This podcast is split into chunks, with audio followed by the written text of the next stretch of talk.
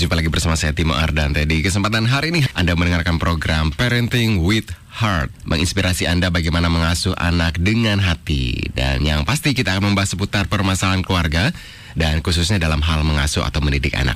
Mulai dari latar belakang kenapa hal itu bisa terjadi, kemudian penyebabnya apa, dampaknya terhadap keluarga atau anak seperti apa, serta pencegahannya bagaimana. Nanti kita akan bantu bahas tuntas ya di program Parenting with Heart.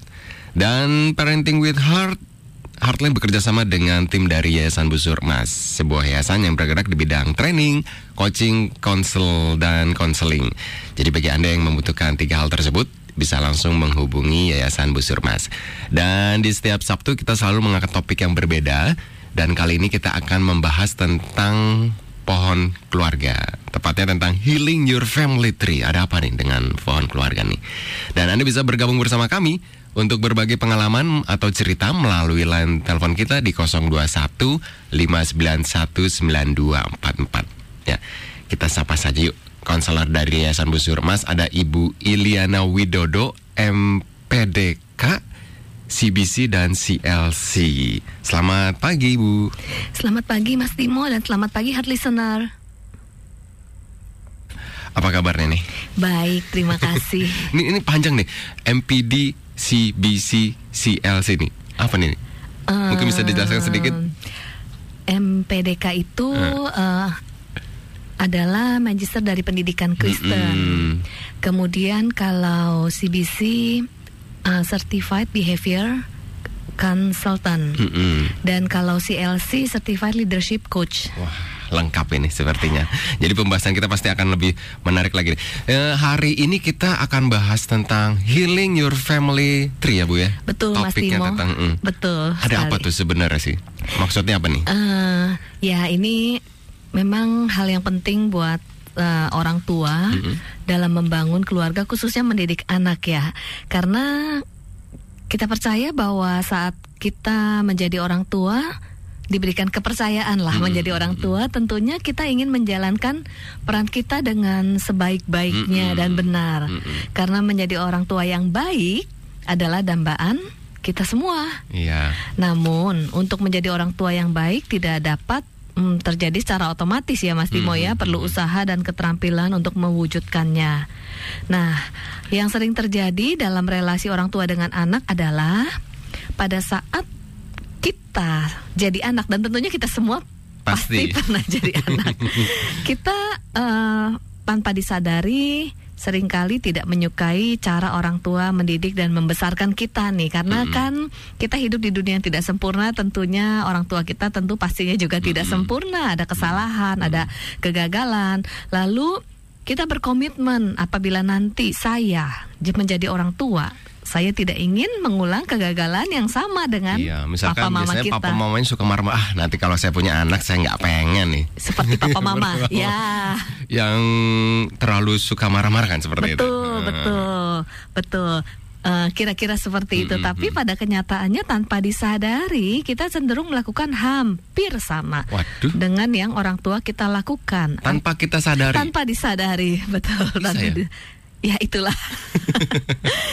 Jadi artinya pola-pola dari mm -hmm. orang tua diwariskan dan terulang kembali pada kehidupan kita dan juga saat kita menjadi orang tua kita hmm. melakukan hal yang hampir sama. Nah, yang dimaksud pohon keluarga adalah asal usul keluarga kita dan bagaimana kita menerima warisan dari orang tua dan nenek moyang kita yaitu pola-pola yang terjadi pada orang tua. Nah, pola-pola yang terjadi pada orang tua kita yang nanti akan kita bahas ya. Betul Jadi pola-pola yang selama ini kita pikir kita tidak mau menirunya Betul. tanpa kita sadari kita menirunya. Ya. Nah, nanti kita akan melakukan uh, penjelasan seperti apa sih Betul. pencegahannya seperti apa. Ya, Bu Iliana. Ya, Mas. Uh, healing your family tree. Family tree berarti pohon, pohon keluarga. keluarga. kita hari kita masih sedang membahas tentang warisan. Warisan dari orang tua. Tapi bukan warisan mobil ya. bukan warisan rumah. Warisan pola asuh nih seperti apa nih? Betul. Uh, uh, biasanya yang kalau kita dengar warisan itu warisan peninggalan harta gitu ya. Mobil, rumah, apalagi. Ya, kemudian uh, mungkin rekening di yes, bank. Yes, gitu. uh, tetapi kita uh, lupa bahwa mm -hmm. ada uh, warisan lain yang kita terima dari orang tua kita antara lain warisan fisik, mm -hmm. kemudian warisan psikologi, spiritual, warisan aturan, warisan hubungan, hubungan mm -hmm. uh, relasi orang tua kita, relasi suami istri, relasi orang orang tua dan anak. Hmm. Kenapa hal itu bisa terjadi? Karena kita hidup bersama-sama dengan orang tua kita bertahun-tahun. Belasan tahun bahkan. Um, Puluhan tahun. Puluhan tahun ya. Sehingga kehidupan orang tua kita tonton setiap hari hmm. dan hampir setiap jam ya. Dan kebiasaan mereka akan terekam tanpa sadar di alam bawah sadar kita. Hmm. Sehingga beberapa pola kebiasaan yang kita suka atau tidak suka itu pun kita warisi baik suka ataupun tidak juga mm -hmm. sehingga ada istilah like father like son atau buah jatuh tak jauh dari pohonnya mm atau bibit bebet bobot mm. apabila pola tersebut tidak disadari maka tidak uh, sulit diatasi kan untuk diatasi kan kita perlu nyadar dulu nih mm. maka anak-anak akan mempelajari pola yang sama dan akan terus-menerus berulang-ulang pada generasi berikutnya. Hmm. Tidak dipungkiri uh, kenyataannya, walaupun tidak semua ya, uh, ada uh, banyak anak yang orang tuanya bercerai. Kemudian saat anak dewasa dan menikah, ada kecenderungan anak akan bercerai, bercerai juga. juga, walaupun tidak semuanya. Kenapa ya? Nah, ini yang akan kita bahas pada hari ini. Pastinya anak tersebut juga uh, tidak menginginkan perceraian. Namun mm -hmm. kenapa hal itu bisa terjadi? Ini hanya salah satu contoh. contoh. Mm -hmm. Oleh karena itu betapa pentingnya agar pola perilaku buruk yang diturunkan dapat diatasi. Mm -hmm. uh, mungkin kita mau lihat ada sebuah contoh dalam satu buku yang berjudul Warisan.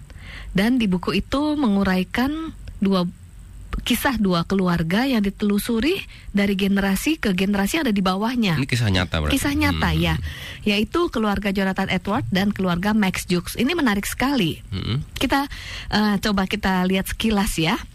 Siapakah Jonathan Edward itu? Jonathan Edward adalah seorang yang hidup pada abad ke-19. Ia adalah seorang yang religius dan setia. Mm -hmm. Kemudian dia selalu mengutamakan Allah dalam kehidupannya dan ia menikah dengan wanita muda yang saleh ya. Jadi orang latar belakangnya seorang baik semua nih. Religius, religius dan saleh. Mm -hmm. uh, kemudian tentunya bukan perfect. Hmm. Hmm.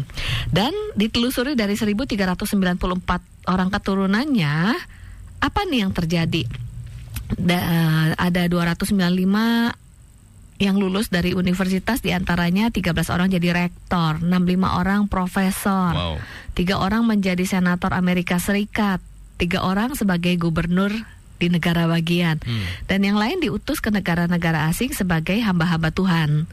Ada 30 orang menjadi hakim, 100 orang menjadi pengacara negara bagian, satu orang menjadi dekan di sebuah sekolah tinggi hukum terkenal, 75 orang menjadi perwira angkatan bersenjata, 100 orang menjadi misionaris dan penulis terkenal, 80 orang lagi bekerja di beberapa kantor pemerintah Amerika, tiga di antaranya wali kota di kota-kota besar, satu adalah seorang pengawas keuangan Departemen Keuangan Amerika Serikat dan yang luar biasa, satu orang lagi adalah wakil presiden Amerika Serikat. Wow, hanya dan, dari pasangan suami istri yang salah hidupnya salah yeah. menghasilkan keturunan yang uh, hebat-hebat ini. Nah, survei mm -hmm. uh, memberi uh, fakta bahwa tidak ada satupun dari keturunan keluarga Edward yang merugikan pemerintah Amerika Serikat. Wow, luar biasa ya. Dan kita mau lihat perbandingannya dengan ini kisah nyata ini. Kisah nyata, hmm. ya. Kita mau lihat perbandingannya dengan uh, keluarga sepasang suami istri dan generasinya yang hidup di zaman yang sama dengan Jonathan Edward, hmm. yaitu Max Jukes. Dia adalah seorang uh, ateis yang menikah dengan seorang wanita kafir dan ditelusuri dari 560 keturunannya. Kalau tadi Jonathan Edward ada 1394 keturunan ya. Mm-hmm. Dan ini 560 keturunannya ditelusuri. Apa yang terjadi? 300 orang mati sebagai pengemis.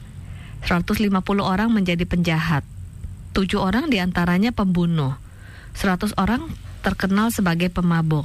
Dan lebih dari setengah keturunannya yang perempuan adalah uh, maaf pelacur. Dan keturunan Max Jukes menyebabkan pemerintah Amerika Serikat merugi sekitar uh, satu juta uh, US dollar dengan nilai dolar pada abad ke-19. Hmm. Dan kalau searching di Google, uh, di Google kita bisa melihat ada buku khusus untuk meneliti keluarga Jux. Kenapa sampai gen generasi dari Max Jux ini bisa terjadi seperti ini? Sehingga dari contoh keluarga ini kita bisa melihat kecenderungan bahwa pola dari orang tua tanpa disadari cenderung diwariskan kepada generasi yang ada di bawahnya. Pola asuhnya. Uh, pola asuh. Nah, tadi uh, entah pola asuh, relasi dan sebagainya emosional. Sehingga oh. penting sekali bahwa kalau mulai dari kita yang pulih, sebenarnya kita memulihkan generasi yang ada di bawah kita. Mm -hmm. Itu intinya mengapa kita membahas topik healing your family tree pada pagi hari ini. Iya, kalau misalkan orang tuanya sepertinya kan di sini diceritakan jahat, keturunannya kemungkinan akan jahat. Cenderung. Apa tidak mungkin cenderung, ya. cenderung, cenderung. Berarti berarti 90 uh, mungkin uh, tidak bisa dikatakan uh, secara apa ya namanya angka secara nyata ya, hmm. hanya uh, apabila tidak disadari, apabila tidak diatasi, itu akan cenderung pola itu akan berulang-ulang. Apa hanya karena sebuah pola asuh bisa menghasilkan seperti hal-hal yang tadi disebutkan. Nah, kita akan bahas lebih detail lagi ya Mas Timo ya. Menarik sekali ya topik ya, hari ya, ini ya. Mm-hmm. Ya, Resena Anda bisa bergabung bersama kami di sini di 591 9244 jika Anda ada pertanyaan atau mungkin ingin berbagi cerita masih ada Ibu Iliana Widodo dan kita masih membahas seputar tadi pemulihan tentang pohon keluarga. Ya, apalagi nih Bu Iliana yang bisa kita informasikan kepada hard listener? Ya, uh, pohon keluarga yang rusak itu bisa dipulihkan. Tadi kan Mas Timo hmm, tanya hmm, ya. Hmm. Yang penting adalah kita bersedia memutuskan untuk tidak mengadopsi buah busuk dari generasi sebelumnya, hmm. kemudian mencakokkan diri pada pohon yang baru. Sehingga kita perlu berani mengambil keputusan untuk menjadi generasi yang memutuskan rantai dari kebiasaan lama. Intinya ambillah dan tegaskan komitmen dalam diri kita berhenti di saya saja. Sehingga saya akan memulihkan generasi yang ada di bawah kita. Berhenti di saya saja, mungkin komitmen dari awal nanti kalau saya punya anak nggak pengen nih. Orang tua saya seperti itu, saya nggak pengen melakukan hal seperti itu. Ya. Tapi mungkin terkadang kesibukan orang tua yang kita kita sebagai orang tua sibuk bekerja sampai akhirnya ya itu lupa lupa itu bagaimana tuh dengan itu. mereka kasus yang seperti itu seperti itu bagaimana sehingga terjadi tanpa disadarinya mm -mm. dan berulang-ulang mm -mm. ya saya sangat meyakini dan percaya pasti sebagai orang tua kita semua mau memberikan yang terbaik. terbaik. Mm. Hanya kita tidak tahu caranya. Mm -mm. Dan kita perlu belajar. Belajar saja pun tidak cukup mm -mm. karena bah kalau belajar itu baru sebuah pengetahuan. Sehingga seba uh, sebagai orang tua perlu komitmen untuk menindaklanjuti nah, dan berjuang. Itu yang terkadang orang tua suka lupa saking kesibukannya. Betul sekali, betul Gimana sekali. Itu, Bu? Dan kita juga perlu uh, melatih diri. Mm -mm. Sebenarnya ada beberapa beberapa step ya sebelum kita uh, berkomitmen apa sih komitmen apa yang harus kita mm -hmm. lakukan nah ini ada beberapa step bagaimana supaya kita bisa mengatasi pola-pola buruk dari keluarga asal kita supaya istilahnya healing your family tree itu bisa terjadi mm -hmm. yang Uh, pertama adalah kita perlu mencoba mengidentifikasi terlebih dulu, mencari tahu dan mengenali supaya kita bisa bertumbuh dan jadi lebih baik. Kita perlu tahu apa sih yang menjadi problem dalam diri kita. Kenali dulu apa yang men, uh, yang diwarisi dari orang tua kita. Contohnya. Contohnya, Contohnya. yang perlu diketahui adalah bagaimana orang tua kita saat, uh, uh, saat uh, bagaimanalah kondisi orang tua kita. Kemudian bagaimana kita dibesarkan oleh orang tua kita. Jadi parenting style dari orang tua kita seperti apa? Cara mereka mendidik kita.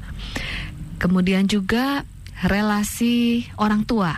Nah, relasi orang tua ini bukan hanya relasi orang tua dengan kita sebagai anak, tapi juga relasi suami istri itu juga mempengaruhi. Hmm. Dan relasi suami istri juga bisa diwariskan. Hmm. Yeah. Apa pengaruhnya? Hmm. Pengaruhnya itu mempengaruhi bagaimana kepribadian kita saat ini. Jadi bagaimana kita dibesarkan, bagaimana relasi orang tua antara papa dan mama itu mempengaruhi kepribadian. Kenapa saya menjadi seperti saat ini? Mm-hmm, mm-hmm. Kemudian juga bagaimana orang tua kita akan mempengaruhi relasi kita dengan pasangan.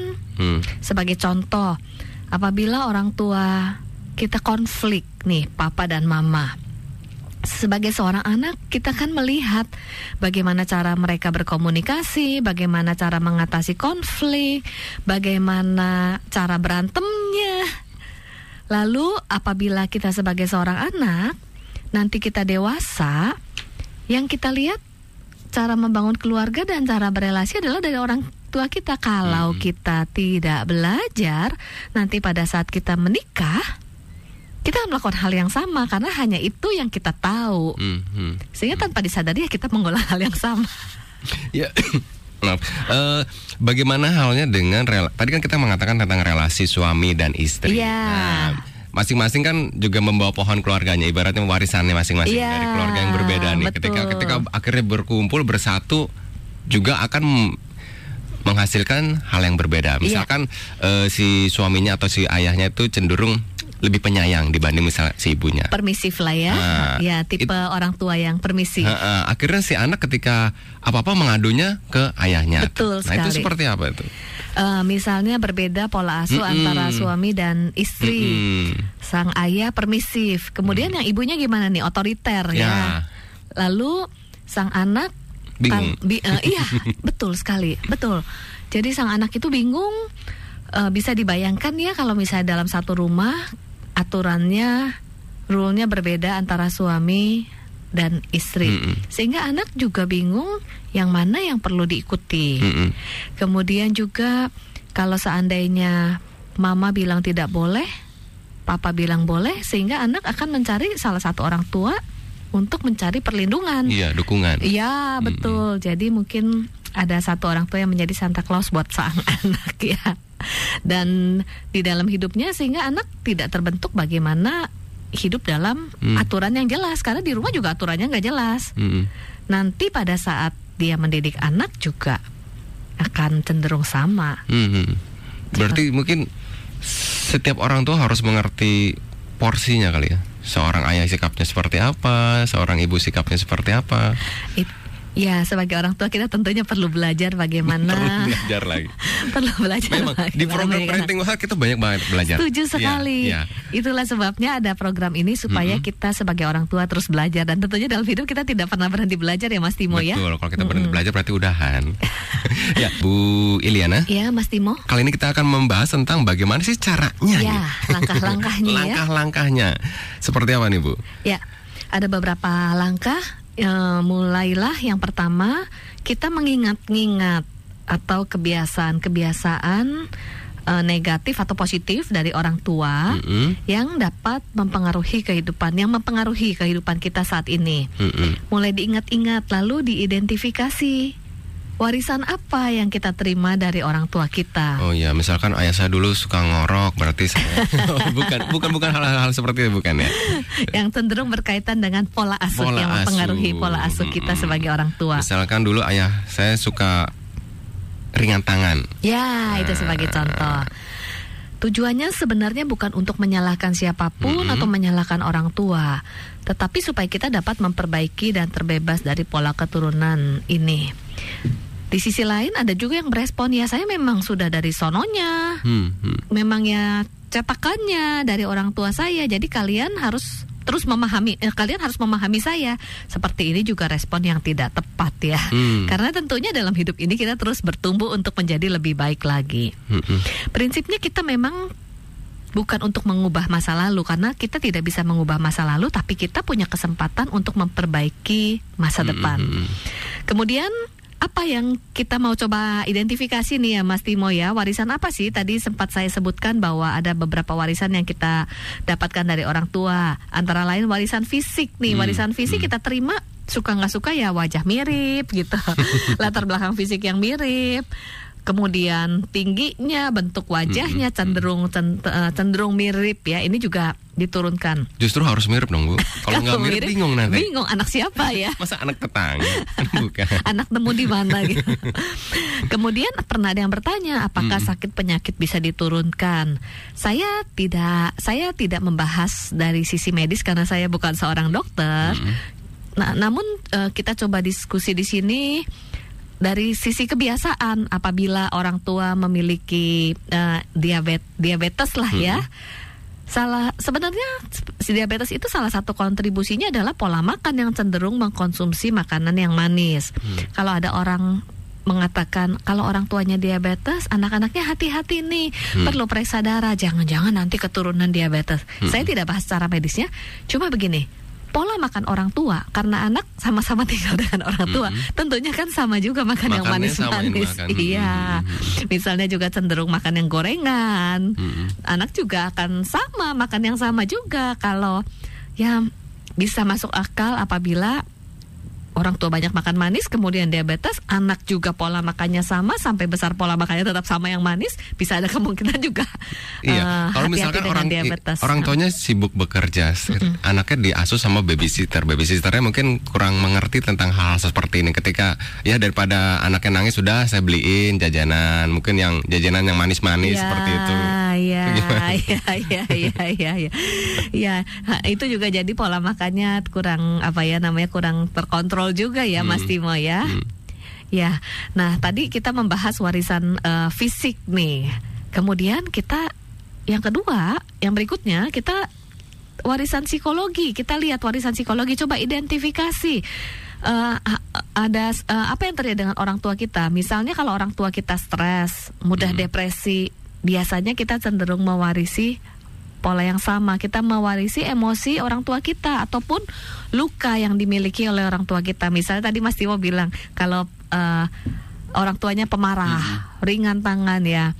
Orang tuanya mudah khawatir, anak akan menjadi cenderung mudah khawatir juga orang tua yang mudah curiga orang tua yang berpikiran buruk kan anak melihat bagaimana orang tua berespon emosi orang tua kemudian orang tua yang sakit jiwa kalau atau orang tua yang cenderung ingin bunuh diri pada Waduh. prinsipnya kan kalau orang tua emosinya tidak baik, nggak stabil. Ya, atmosfer di rumah itu juga tidak baik, hmm. sehingga anak pun besar di lingkungan keluarga yang atmosfernya tidak baik juga. Hmm. Nah, ini jadi bisa mewarisi pola-pola emosi dari orang tua. Kemudian coba kita identifikasi lagi nih warisan spiritual ya Mas Timo ya. Banyak juga nih, nih identifikasinya ya. Iya, identifikasi. Hmm. Jadi sambil kita refleksi. Hmm. Kalau kita keturunan dari orang tua yang aktif mungkin di uh, tempat ibadah, di gereja, di tempat yang lain, biasanya anak-anak akan cenderung juga akan menerima warisan rohani yang baik karena dari kecil udah dibawa sama-sama. Kalau kita lahir dari keturunan yang senang praktek sihir, kuasa gelap, kita juga mudah terpengaruh karena itu yang kita hmm. pelajari uh, spirit uh, uh, reli, uh, apa namanya dari sisi religius itu yang kita pelajari dan kita teladani dari orang tua kita. Nah kalau misalkan orang tuanya sendiri nggak sadar kalau dirinya itu salah, ketika akhirnya praktek sihir kan mungkin dia dirinya sendiri juga nggak nggak sadar gitu salah atau benar. Betul, betul. Nah itu bagaimana dengan anak ya betul betul. Jadi uh, kita melakukan hal ini karena kita mencontoh dari orang tua sehingga kita tidak menyadari mana yang seharusnya hmm, hmm. kalau kita tidak mengidentifikasi yang mana yang perlu diperbaiki, mana yang hmm, baik, hmm, mana yang kurang baik, itu akan kita ikuti juga karena menurut kita itu yang memang nah, yang, benar. yang benar yang kita hmm, pelajari, yang kita lihat sepanjang hari hmm. selama kita tinggal bersama dengan orang tua. Jadi itulah tepat sekali Mas Timo, hmm. tidak sadar hmm. kalau tidak belajar identifikasi dan tidak mempelajari hal-hal yang baru. Wow. Kemudian tadi sudah warisan uh, fisik, emosi, spiritual, ada lagi nih gaya hidup nih. Ini juga tanpa disadari. Ada aturan di dalam rumah yang mempengaruhi kepribadian kita. Hmm. Misalnya uh, orang yang sungkan sehingga anak-anaknya juga serba sungkan. Kemudian ada aturan yang serba dihukum atau aturan yang serba dikasih hadiah. Hmm. Nah, ini juga sebagai anak kita melihat oh caranya seperti itu ya oh itu yang benar ya. Hmm. Nah pada saat kita jadi orang tua kita melakukan hal yang sama kalau Ini tidak PR orang tua banyak banget ya. itu warisannya nih tanpa kita sadar tentang psikologisnya seperti apa spiritual seperti apa gaya hidupnya pun juga benar-benar kita memang harus merefleksikan diri harus belajar agar tidak terjadi hal-hal yang seperti ini nih. Yes. Hmm. Sebagai contoh uh, dalam keluarga yang anak nggak jelas ada aturan atau tidak keluar uh, atau tidak ada keluarga yang tidak mengajarkan hal yang baik. Mm -hmm. eh, ini boleh, ini tidak boleh, tidak diajarkan. Tapi saat anaknya salah, yang ada langsung dimarahin. Bayangkan ya, anak nggak pernah diajarin kan Oh. tidak tahu mana yang benar, mana yang salah. Eh Tidak. pada saat melakukan Mm-mm. sesuatu yang salah, anak kan tidak tahu itu salah, Mm-mm. dimarahin. Dampaknya, anak itu sampai besar merasa bahwa dirinya nanti salah, salah sehingga menjadi seseorang yang memiliki kepribadian takut salah Mhm. dan nanti dia juga tanpa disadari cenderung suka menyalahkan orang lain. orang Nanti lain. jadi orang tua juga tidak tahu bagaimana mendidik dengan aturan yang baik. Yang ada juga menyalahkan anaknya lagi. Bukankah ini pola yang berulang-ulang ya? Tanpa kita sadari. Tanpa disadari. Berarti memang sebuah keluarga harus ada Sadar memiliki dulu. peraturan ya. Ya, Mhm. sadar dulu apa yang eh, identifikasi dulu. Lalu misalnya ada orang tua yang senang narkoba, kemudian alkohol, eh, orang tua yang suka judi. Itu kan anak juga mem- eh, apa namanya? eh, belajar, oh ternyata judi itu boleh ya. Nah, seperti itu. Kemudian orang tua yang suka hutang, cara penyelesaian keuangannya berhutang, anak melihat dan nanti anak ada kecenderungan saya tidak bilang 100% ya ada kecenderungan bisa melakukan hal yang sama orang tua yang tidak jujur orang tua yang tidak setia. Ini dari sisi gaya hidup. Kemudian Berikutnya coba kita identifikasi lagi dari sisi hubungan, relasi. Relasi ini ada relasi dengan pasangan, ada relasi antara orang tua dengan anak. Mhm. Kalau kita dibesarkan oleh ayah ibu yang suka berteriak-teriak saat bertengkar, kita pun mudah berteriak dengan pasangan kita dan berteriak pada anak-anak kita. Mhm. Orang tua konflik yang menjadi tontonan sehari-hari, orang tua yang kasar, cara bicara yang kasar yang kita pelajari adalah cara yang kasar. Dan tidak cuma itu, saat orang tua kasar kepada kita, sebagai seorang anak kita ada emotional pain, ada luka. Kemudian mungkin kalau orang tua yang mm, melukai anak, kita sebagai seorang anak menyimpan kemarahan yang kita tumpuk bertahun-tahun kalau kita tidak pulih kemarahan itu nanti pada saat kita menjadi so- orang tua kita jadi marah-marah juga sama Hmm, anak kita. hmm, entah sama anak kita entah pasangan kita. Lalu ada orang tua yang cuek dingin atau kaku. Nah ini juga ada ibu dominan ayah pasif ibu otoriter ayah permisif seperti Mas Timo tadi Hmm, sampaikan. orang tua yang selingkuh orang tua bercerai orang tua KDRT orang tua yang mungkin pisah ranjang. Ada loh seorang anak berpikir kalau seandainya sudah nanti sudah menjelang berumur eh, kehidupan rumah tangga yang sesungguhnya adalah pada pisah ranjang ya karena dia melihat contoh dari Mm-mm, orang tua mm-mm. bayangkan ya kalau misalnya tidak tidak belajar sesuatu hal yang baik dan benar ya maka pola-pola yang sama akan terus Terulang. berulang. Mhm. Kemudian parenting style ini dari relasi orang tua dengan anak. Parenting style ada yang otoriter, permisif, ada orang tua yang mengabaikan dan ada orang tua yang eh, apa ya namanya bisa seimbang. Ini juga bagaimana kita dibesarkan mempengaruhi bagaimana kita mendidik anak-anak kita. Lalu ada orang tua yang sulit mengekspresikan kasih, sulit mengekspresikan bahasa kasih. Seperti Sing- apa tuh maksudnya? Hmm, misalnya eh, bahasa kasih ini kan ada ada berba- berbagai macam ya, seperti memberikan kata-kata penguatan, Hmm. kemudian memberikan waktu berkualitas, memberikan eh, hadiah, melayani atau sentuhan. Ada orang tua yang tidak terbiasa memeluk anak, menyentuh anak, kemudian eh, memuji anak. Mhm. karena tidak terbiasa si- eh, sehingga relasi dengan orang lain juga tidak terbiasa eh, tidak hangat kaku Hmm. nah pada saat menjadi orang tua dia juga tidak bisa memeluk anak karena tidak mendapatkan itu dari orang tuanya. Dan itu akan berulang-ulang. Kecuali kalau orang tuanya belajar oh ternyata terhadap seorang anak kita perlu mengekspresikan Hmm. kasih dengan mungkin memberi pujian, memberikan penghargaan, memberikan waktu, memberikan sentuhan, banyak memeluk. Nah, itu perlu dimulai dengan kesadaran dan disengaja. Ini yang namanya berjuang dan latihan untuk memulai hal-hal yang baru setelah kita Disengaja. belajar. Yes, Harus disengaja. tidak boleh tidak disengaja, tapi harus disengaja untuk membiasakan mungkin ya. Ya, Hmm. karena kalau nggak pola-pola yang lama akan terulang. Hmm. Misalnya juga ada konflik yang nggak pernah diselesaikan. Berarti kita tidak tahu cara menyelesaikan konflik.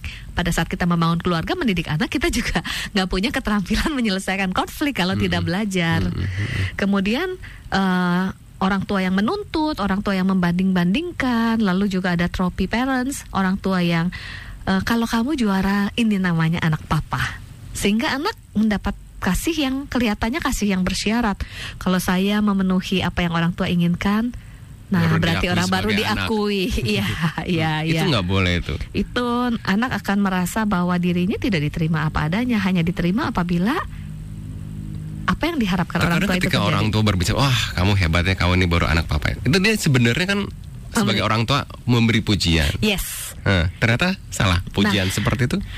eh Maksudnya kan memberi pujian. Betul, sebenarnya saya sangat mempercayai hati orang tua karena tidak ada orang tua yang sengaja ingin melukai anaknya. Mm-mm. Jadi pada saat orang tua bilang begini, kalau kamu eh, juara, kamu anak papa, tujuannya bukan untuk melukai, tujuannya adalah untuk memotivasi Mm-mm. supaya anak lebih baik. Mm-mm. Hanya kita sebagai orang tua, kita ingin yang baik buat anak kita, Mm. kita mungkin tidak tahu caranya sehingga yang diterima dari sisi seorang anak itu adalah anak tidak di- merasa tidak diterima apa adanya. Nah, jadi tanpa disadari itu yang membuat luka. Hmm. Kemudian anak jadi merasa takut salah. Hmm. Kemudian anak merasa jadi takut gagal, Mm-mm. merasa mengecewakan orang tua. Iya, kalau nggak berhasil wah mengecewakan. Iya, sehingga anak pun menjadi takut. Untuk anak kecil jadi bisa berbohong kalau nilainya jelek karena takut. Oh. Nah, tanpa disadari itu adalah dampak-dampaknya. Hati orang tua pasti ingin yang terbaik hanya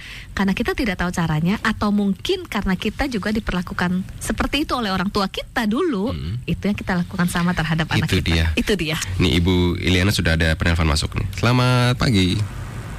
Halo, selamat pagi. Pagi dengan Ibu siapa Bu? Ya, pagi Bu. Pagi. Eh. Oh Ibu Densi. Ya silakan Bu. Maaf ya Bu, dari tadi saya dengerin Ibu bicara.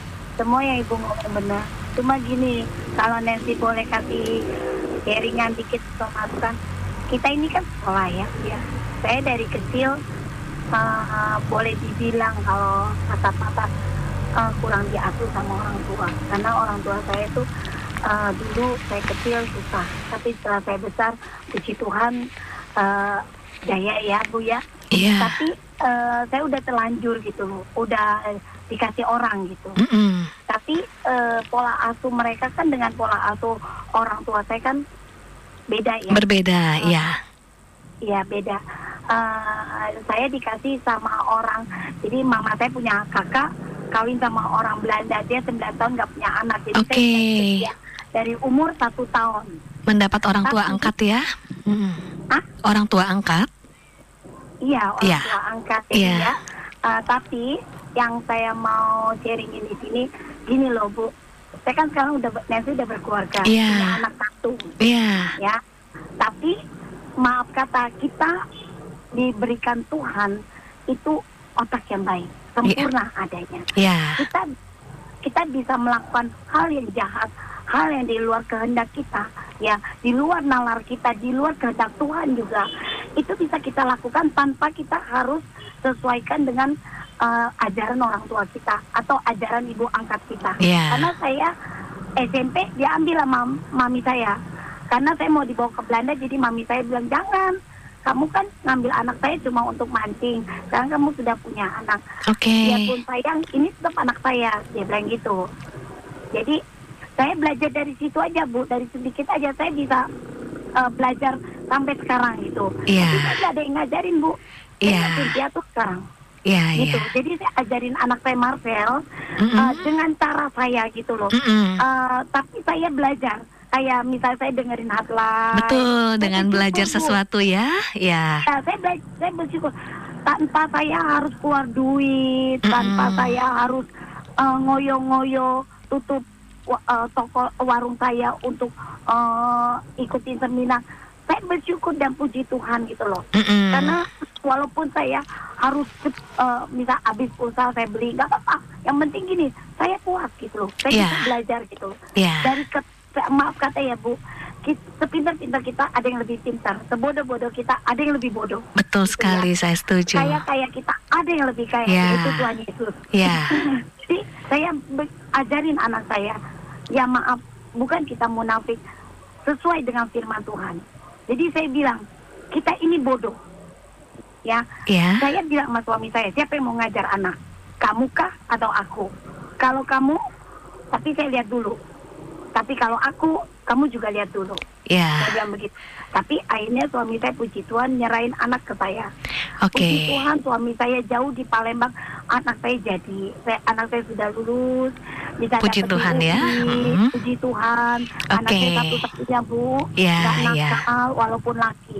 Ya. Ya itu yang Nancy mau sharingin. eh, Makasih. Kita jangan mau bodoh. Betul, kita Jangan perlu belajar ya. tua. Betul, betul, Ya, bukan jangan- menyalahkan ya. Jangan- Mm-mm. Jangan salahin orang tua. Orang tua itu mungkin, mungkin ya pelajaran dia dulu Yes. dengan pelajaran kita dan pelajaran anak kita itu beda. Ya. Tiga tahap.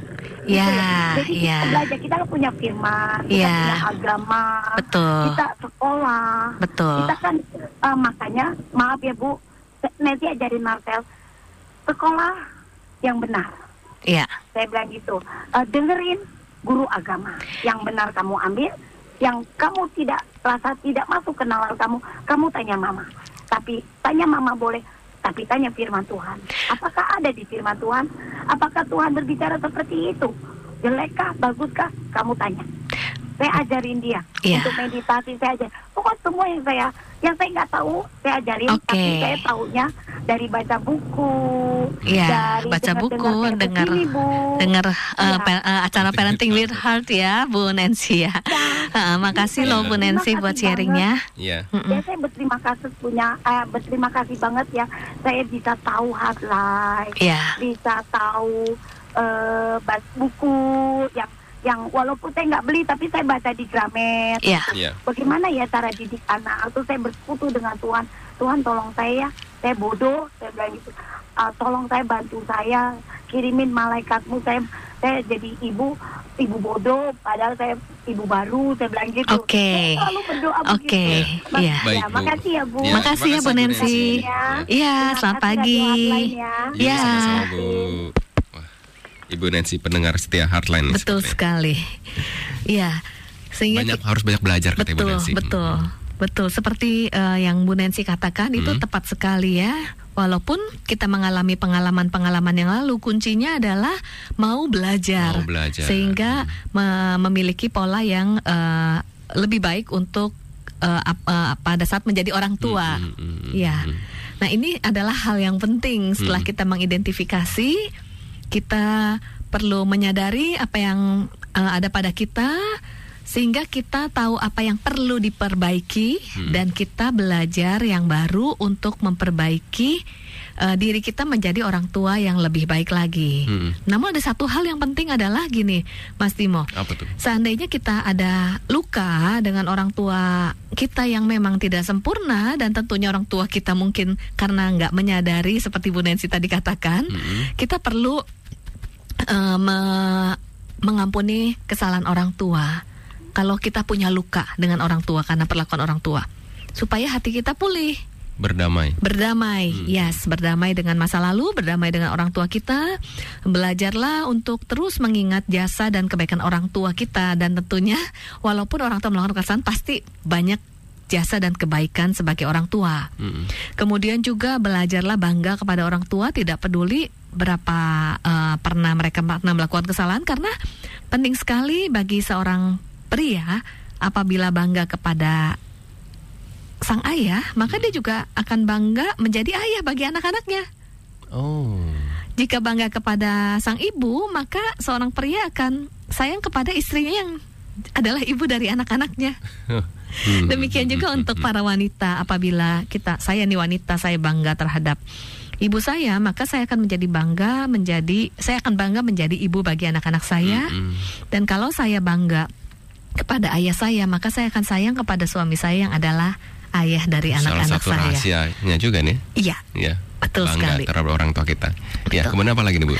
Kemudian eh, belajar, lalu juga alangkah baiknya kita mengalami pengalaman reparenting eh, dengan bergabung di dalam komunitas. Misalnya kita belajar bagaimana berkomunikasi dengan yang baik itu kalau kita men- belajar dari seminar, mendengarkan buku itu kan kita belajar secara kognitif ya. Hmm. Tapi dari sisi experience kita perlu mengalami pengalaman bagaimana melihat orang berkomunikasi yang baik terhadap kita. Hmm, hmm, Itu yang namanya reparenting. Hmm. Me- mengolah ulang pengalaman yang kita tidak dapatkan dengan orang tua kita dulu. Hmm. Jadi dengan bergabung dalam komunitas kita bisa mendapat figur mungkin dari orang tua rohani, figur men, uh, teladan dari orang tua dan ayah yang baik.